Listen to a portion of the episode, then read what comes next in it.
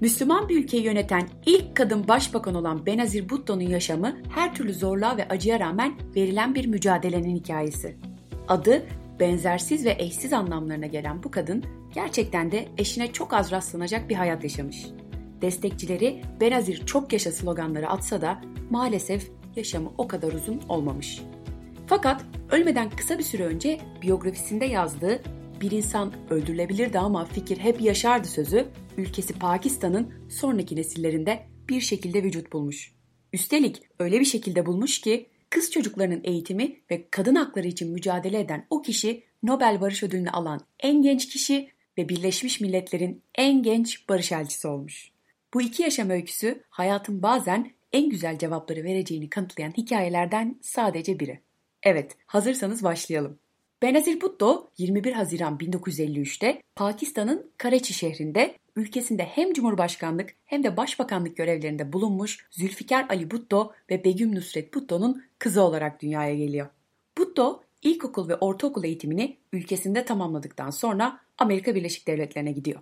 1969-1973 yılları arasında Harvard Üniversitesi'ne bağlı olan ve sadece kız öğrencilerin yer aldığı Radcliffe Koleji'nde eğitim görüyor.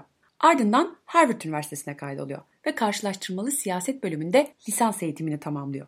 Daha sonra İngiltere'ye gidiyor ve 1973'ten 1977 yılına kadar Oxford Üniversitesi'nde yüksek lisans düzeyinde uluslararası hukuk ve diplomasi eğitimi alıyor. Babasının kurmuş olduğu hükümetin 1977 yılında bir askeri darbe sonucu düşürülmesiyle ülkesine dönen Bhutto tüm ailesiyle birlikte ev hapsine alınıyor. 1979 yılında da babası Zülfikar Ali Bhutto bir rakibinin öldürülmesine izin verme suçundan suçlu bulunuyor ve idam ediliyor. Ailenin ev hapsi devam ederken bir kötü haber daha geliyor. Bhutto'nun erkek kardeşi Şahnavaz 1980 yılında Fransa'da ölü bulunuyor. Zehirlenerek öldürüldüğünden şüphelenilse de ölümü hiçbir zaman aydınlatılamıyor. 1984 yılında yurt dışına çıkış yasağı kaldırılan Bhutto İngiltere'ye taşınıyor. Fakat sürgünde olsa da ülkesinden kopmayarak babasının kurmuş olduğu Pakistan Halk Partisi'nin liderliğini yapmaya başlıyor. 1986 yılında ise yaklaşan seçimler için seçim kampanyasını yürütmek üzere ülkesi Pakistan'a geri dönüyor. Tam bu dönemlerde ülkenin varlıklı isimlerinden biri olan Asıf Ali Zerdari ile evleniyor. 21 Eylül 1988'de ilk çocuğu Bilavel Bhutto Zerdari'yi dünyaya getiren Benazir Bhutto 19 Kasım 1988 tarihinde yapılan seçimleri kazanarak bir Müslüman ülkenin başına geçmiş tarihteki ilk kadın başbakan oluyor. Burada ilk çocuğunun doğum tarihi ve seçim tarihini bir arada söylememin çok basit bir sebebi var aslında. Siyasi anlamda içinde bulunduğu mücadele ne kadar çetrefilli olsa da kendisinin birçok zorlu durumun üstesinden eş zamanlı olarak gelebilmiş olması. Bu dirayeti de her zaman göstermeye devam ediyor. 1990 yılında ikinci çocuğu Bahtiyar Bhutto Zerdari'yi dünyaya getiren Benazir Bhutto görevdeyken doğum yapan ilk seçilmiş lider ünvanını da kazanıyor. Bu ünvana sahip olan ikinci kadın lider ise 2020 yılında mevcut Finlandiya Başbakanı Sanna Marin oluyor. Benazir Bhutto'nun kurduğu ilk hükümet 20 ay sonra askeri güçlerin desteğiyle devriliyor. Devrilme sebebi olarak bir takım yolsuzluk suçlamaları gösterilse de kendisi hakkındaki suçlamaların doğruluğu kanıtlanamıyor. 3 Şubat 1993 tarihinde de 3. çocuğu Asife Bhutto Zerdari dünyaya geliyor. Benazir Bhutto 6 Ekim 1993 yılında genel seçimlerde yeniden başbakan seçiliyor.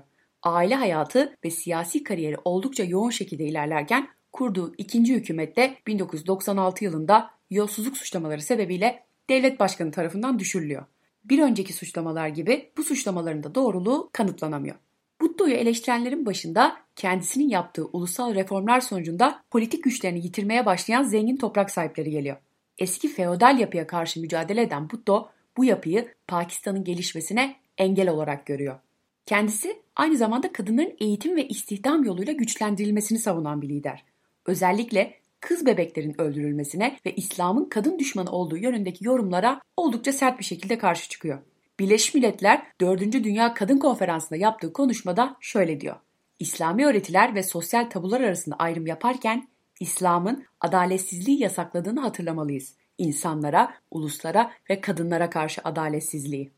1999 yılında Pervez Müşerref'in liderliğinde gerçekleşen askeri darbe sonrasında kendi ve ailesinin yaşamından endişe duyarak Pakistan'ı terk ediyor. Birleşik Arap Emirlikleri'nin Dubai kentine yerleşiyor. Partisini yurt dışından yönetmeye devam eden Bhutto 2002 yılında tekrar Pakistan Halk Partisi'nin lideri seçiliyor. Dönemin Cumhurbaşkanı Pervez Müşerref çok da sürpriz olmayan bir şekilde Benazir Bhutto'nun gelecekte tekrar başbakan seçilmesini önlemek amacıyla 2002 yılında başbakanların en fazla iki dönem görev yapabilecekleri şeklinde bir anayasa değişikliği yapıyor. 2007 yılında Benazir Bhutto ve Pervez Müşerref arasında bir takım müzakere görüşmeleri başlıyor. Ve sonrasında Cumhurbaşkanı Müşerref tüm yolsuzluk suçlamalarına ilişkin af çıkartıyor. Bazı kaynaklarda iki ismin güç paylaşımı konusunda ittifak yaptıkları belirtiliyor. Müşerref'le yaptığı görüşmeler sert bir şekilde eleştirilen Benazir Bhutto şöyle diyor. Ben Pakistan'a demokrasinin yerleşmesi için bir araya gelmeyi denedim ve bu yüzden de Müşerref'le demokrasiye yol vermek için pazarlık yaptım. Bunu öngörmek için erken olsa da umarım diktatörlükten demokrasiye doğru siyasi bir dönüşüm yaşanır. Seçim çalışmalarına katılmak üzere Pakistan'a dönüş kararı aldığını belirttikten sonra terör örgütü Taliban tarafından tehdit edilmeye başlanıyor. Perviz Müşerref kendisinin dönüşünü ertelemesini istese de Benazir Bhutto bunu kabul etmiyor. 18 Ekim 2007 gecesi 8 yıllık sürgünden sonra Pakistan'a geri dönüyor. Destekçilerinin Benazir çok yaşa tezahüratlarıyla karşılanan Benazir Bhutto aynı gün bombalı bir suikast girişiminin hedefi oluyor. Yara almadan kurtulsa da gerçekleşen saldırıda 138 kişi yaşamını yitiriyor, 248 kişi de yaralanıyor. Bhutto'nun Pakistan'ın en kara günü olarak tanımladığı saldırının ardından 3 Kasım 2007'de ülkede olağanüstü hal ilan ediliyor. Bhutto da 9 Kasım'da ev hapsine alınıyor. Müşerref'in istifasını isterken olağanüstü hal kaldırılıyor. Aralık ayında seçim kampanyası çalışmalarına tekrardan başlayan Bhutto 27 Aralık 2007 tarihinde Rawalpindi şehrine gidiyor. Benazir Bhutto arabadan halkı selamlarken araca yaklaşan 15 yaşındaki Bilal adlı saldırgan kendisine 3 el ateş ediyor. Ardından üzerindeki bombayı patlatıyor. Kafatasında kırık oluşan Benazir Bhutto hastaneye ağır yaralı olarak kaldırılıyor. Fakat yapılan her türlü müdahaleye rağmen kurtarılamıyor ve 54 yaşında hayatını kaybediyor. Ölümünün ardından ülkede 3 günlük yas ilan ediliyor. Benazir Bhutto askeri rejime karşı demokrasi mücadelesi veren, uğradığı birçok saldırıya karşı yılmadan inandığı değerler için savaşan ve bu değerleri hayatın önüne koyabilen bir lider olarak tarihe geçiyor. Ölümünden iki ay önce tamamladığı Doğu'nun Kızı adlı biyografi kitabında şöyle diyor. Babam bir insanın hapsedilebileceğini ama fikrin her zaman özgür olacağını biliyordu. Bir insan öldürülebilirdi ama fikir hep yaşardı. Bu sözü duyduğum zaman aklıma gelen bir isim var. Muhtemelen siz de bu ismi biliyorsunuz. Malala Yousafzai. Siyaset ile uzaktan yakından alakası olmaması gereken gelişmelere baktığınızda sonrasında Pakistan'da çok da iyi şeylerin olmadığını tahmin edebilirsiniz. Pakistan'ın Taliban tarafından ele geçirilen bölgelerinde kız çocuklarının eğitim haklarının engellenmesinin sonucunda sessiz kalmak yerine harekete geçen bir isim oluyor Malala. Üstelik daha 12 yaşındayken. Kısa bir süre içerisinde Pakistan'daki kız çocuklarının sesi olan Malala, BBC'nin kendisine köşe yazarlığı teklif etmesi üzerine Pakistanlı Kızın Günlüğü adlı köşesinde sesini tüm dünyaya duyurmaya başlıyor. Bir süre sonra Butto'yu öldüren bakış açısı onun içinde bir tehdit oluyor. 14 yaşındayken içinde olduğu okul otobüsünün önü kesilerek Taliban tarafından başından vuruluyor. Fakat bu sefer hikaye aynı şekilde sonlanmıyor. Hastanede verdiği yaşam mücadelesini kazanarak tekrardan ayağa kalkıyor ve hem kendi ülkesinde hem de dünyanın birçok yerindeki kız çocuklarının sesi olmaya devam ediyor. 2014 yılında 17 yaşındayken Nobel Barış Ödülünü kazanıyor ve bu ödülü alan en genç kişi oluyor. Ödül töreninin öncesinde katıldığı programda ileride Pakistan Başbakanı olmak istediğini söylüyor ve ilham kaynağı olarak da kimi gördüğünü söyledi dersiniz. 2007 yılında aynı örgütün suikastı sonucunda hayatını kaybeden eski Pakistan Başbakanı Benazir Bhutto. Her zaman söylerim, en güzel cevapları hep hayatın kendisi verir. Bu da öyle bir şey. Malala 2020 yılında Oxford Üniversitesi'nin felsefe, politika ve ekonomi bölümünden mezun oldu.